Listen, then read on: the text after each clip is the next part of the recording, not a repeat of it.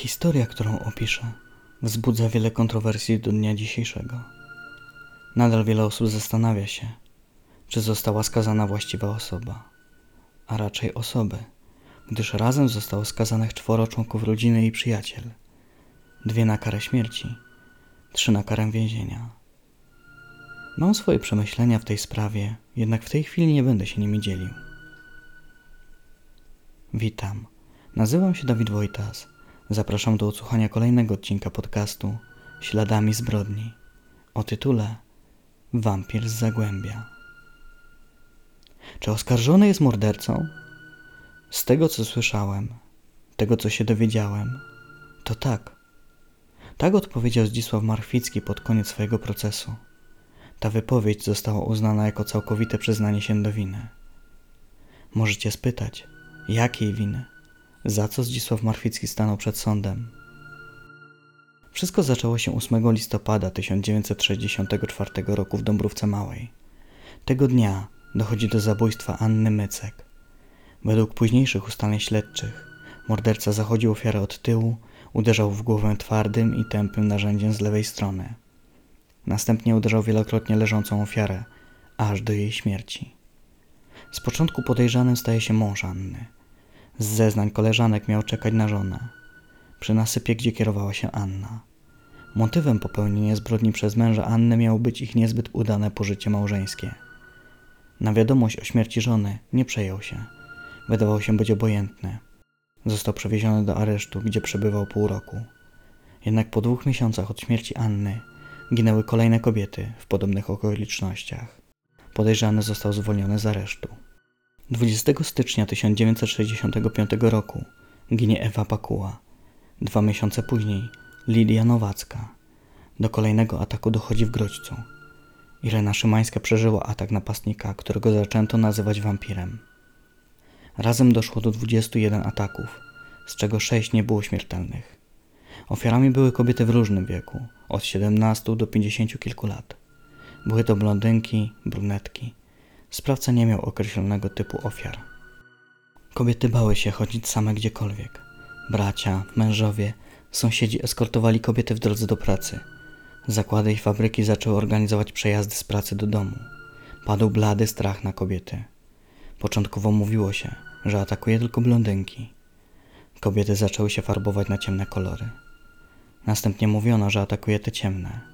Znów pojawiał się na ulicach blondynki. Ludzie zaczęli żyć w strachu, pojawiały się naciski na milicję, również ze sfery rządowej, ponieważ jedną z ofiar była bratanica Edwarda Gierka, Jolanta. Sprawie nadano kryptonim Anna od imienia pierwszej ofiary. Do śledztwa zostało zaangażowanych w szczytowym momencie 3000 funkcjonariuszy, z początkowych kilku osób. To świadczy o powadze prowadzonego dochodzenia. Mimo zaangażowania takiej ilości milicjantów, sprawa nie posuwała się ani trochę naprzód. Stąd pojawił się pomysł zaangażowania społeczeństwa w tę sprawę. Wyznaczono na nagrodę miliona złotych za informację, kto jest wampirem, lub informacji, które mogłyby naprowadzić na ślad mordercy. Jednak skutek był początkowo odwrotny od zamierzonego. Spłynęło tysiące donosów, listów i telefonów.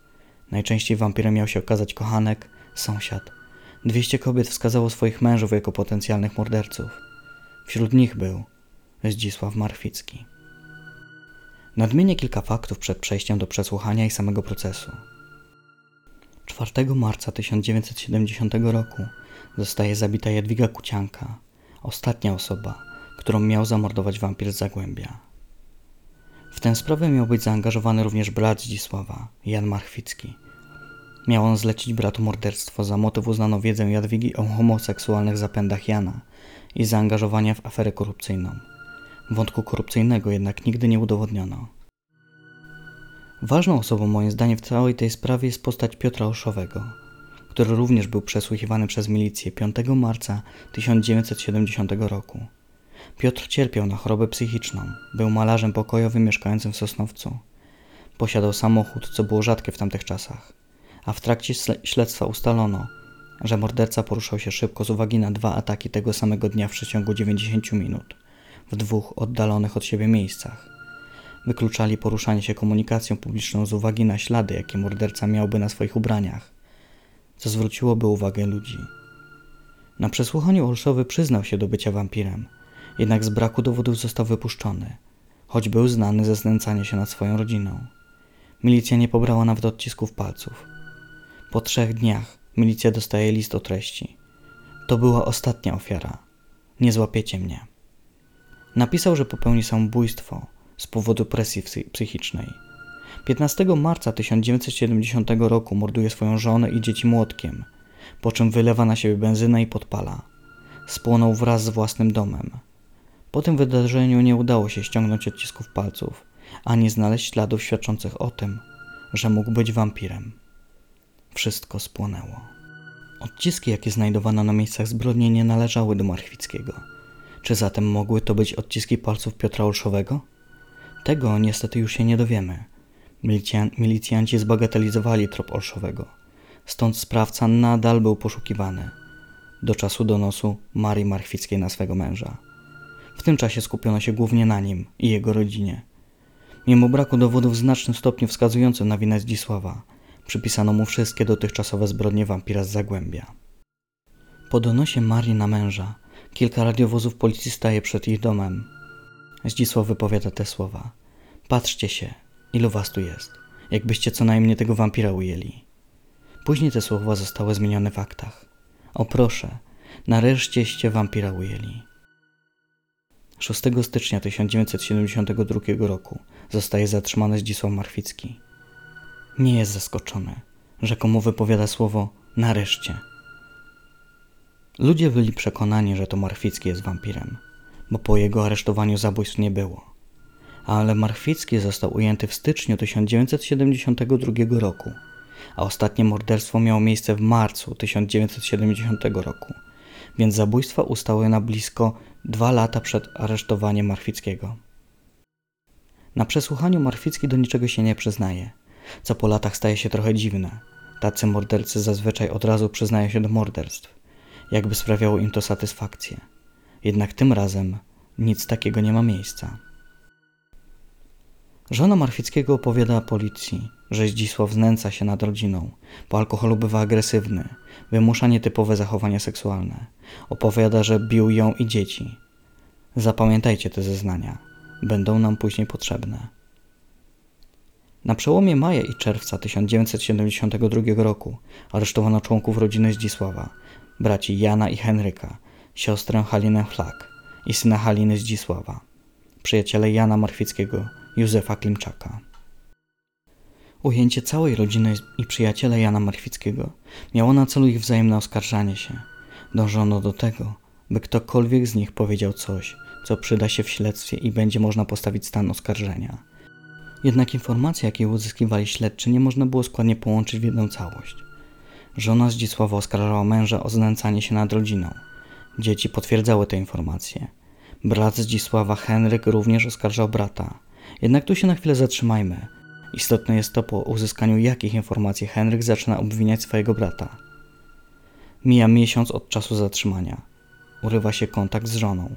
Śledczy, a w późniejszym czasie nowy kolega z celi opowiadają, że dom jest obrzucany przez przechodniów.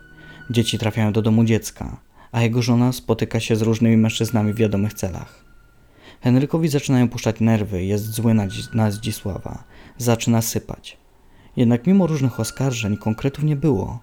Nic nie wiedział. Zmyślał podobnie jak siostra Halina.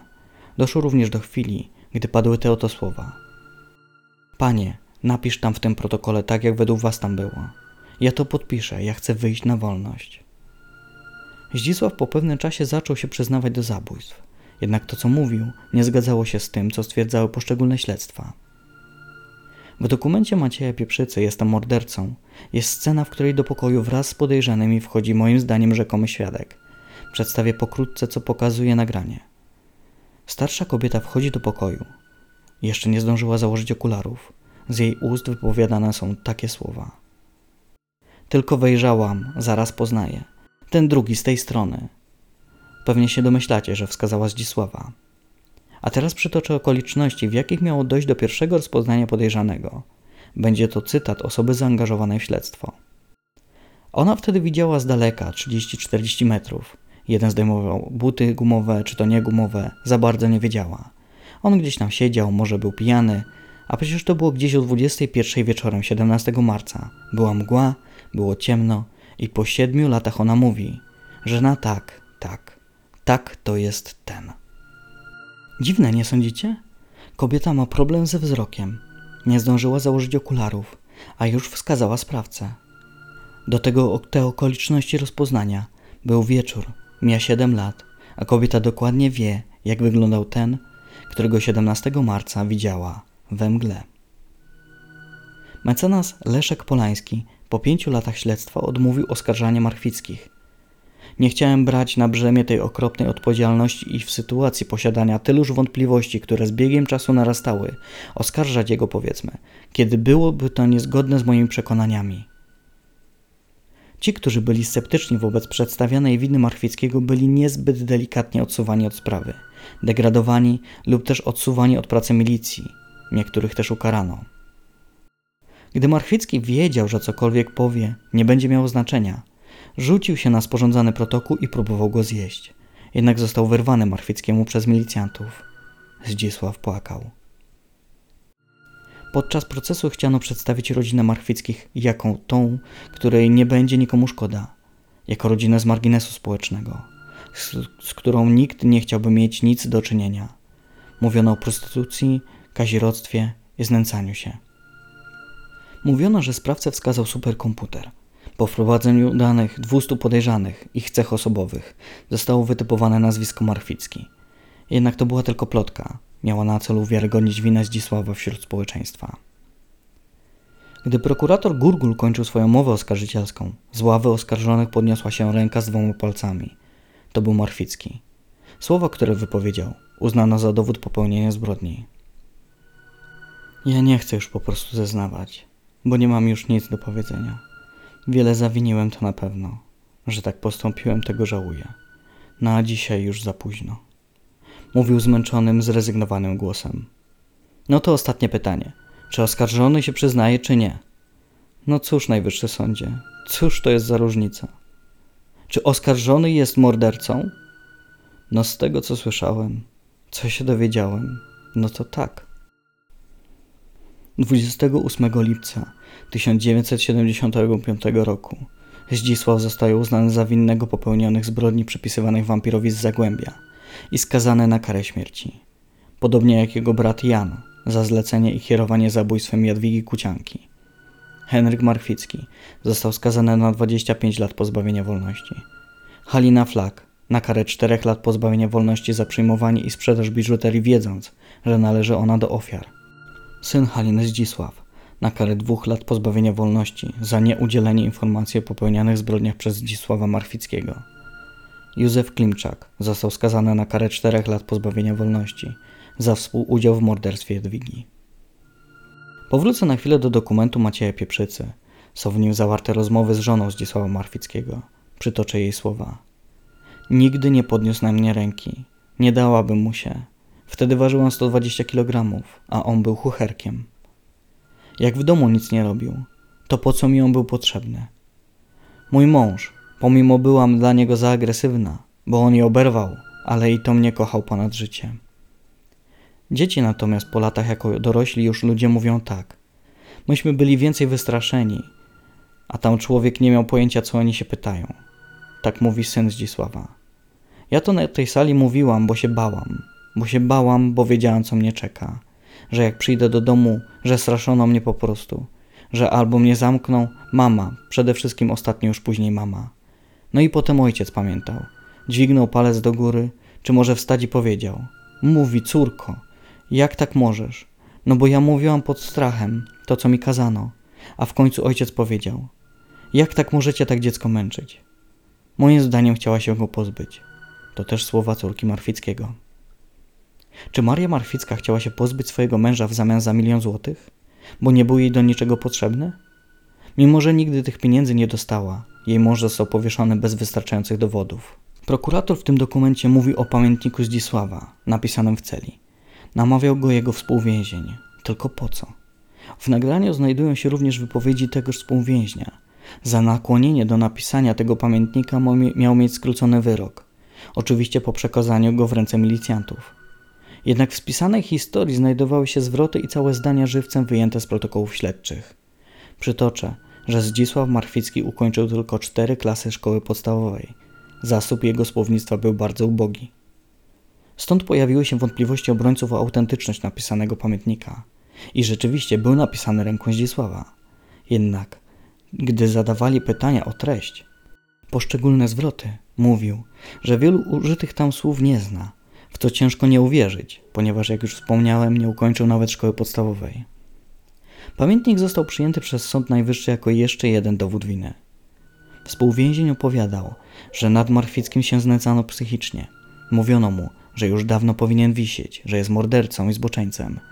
Gdyby to były pojedyncze przypadki, zapewne by się nie załamał, jednak po czasie rozsypał się psychicznie. Siadał wtedy na łóżku i kolebał się. Na samym końcu procesu, podczas sławnego już przyznania się, to nie był ten sam człowiek. Zniszczony, załamany, wyczerpany walką o udowodnienie niewinności. Mówiło się, że chciałby go skazano i przewano jego męki, gdyż życie mu zbrzydło. W 1990 roku wychodzi na wolność Henryk Marficki. Nazywam się Henryk Marficki. Jestem bratem Zdzisława i Jana Marchwickich, skazanych w 1975 roku na karę śmierci. Oświadczam, że będę pisał prawdę i tylko prawdę, bo zbyt wiele w tej sprawie było kłamstw. By zrozumieć to, co się stało ze mną i moją rodziną, trzeba będzie się cofnąć do połowy lat 60. Chciałbym przedstawić teraz z bólem serca, dlaczego obciążałem braci Zdzisława i Jana, składając nieprawdziwe zeznania lub pisząc oświadczenia na ich temat. Po miesiącu urwała się korespondencja z moją żoną. Do mojej celi trafił osobnik, który mówił mi, że moja żona jest aresztowana. Mówił też, że ludzie napadają na mój dom, wybijają szyby, a moje dzieci oddane zostały do domu dziecka. Ta wiadomość dobiła mnie do reszty i wrogo nastawiła do braci. Osobnik, z którym siedziałem w celi, dużo opowiadał mi o sprawie zabicia doktorki. Koło telewizji to, co usłyszałem od niego, jak też od ludzi, kiedy byłem jeszcze na wolności, to wszystko pisałem w oświadczeniu, które mi kazali napisać. Śledczy, czytając oświadczenie, mówili mi, że to nie tak było. Kazali mi spisać jeszcze raz.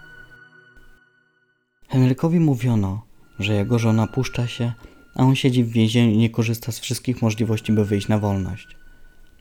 Czy Marchwicki zabijał? Czy był wampirem z Zagłębia? A może stał się kozłym ofiarem tej sprawy? Mam co do tego spore wątpliwości, ale w związku z tą sprawą zaczynam utwierdzać się w przekonaniu, że kara śmierci słusznie została zniesiona. Ile osób mogło paść ofiarą pomówień, dowodów tworzonych na siłę, gdzie oskarżony nie wydaje się w stu procentach winny popełnionych zbrodni? Dziękuję za wysłuchanie odcinka. Zapraszam do komentowania i subskrybowania. Kolejne odcinki pojawią się już niedługo.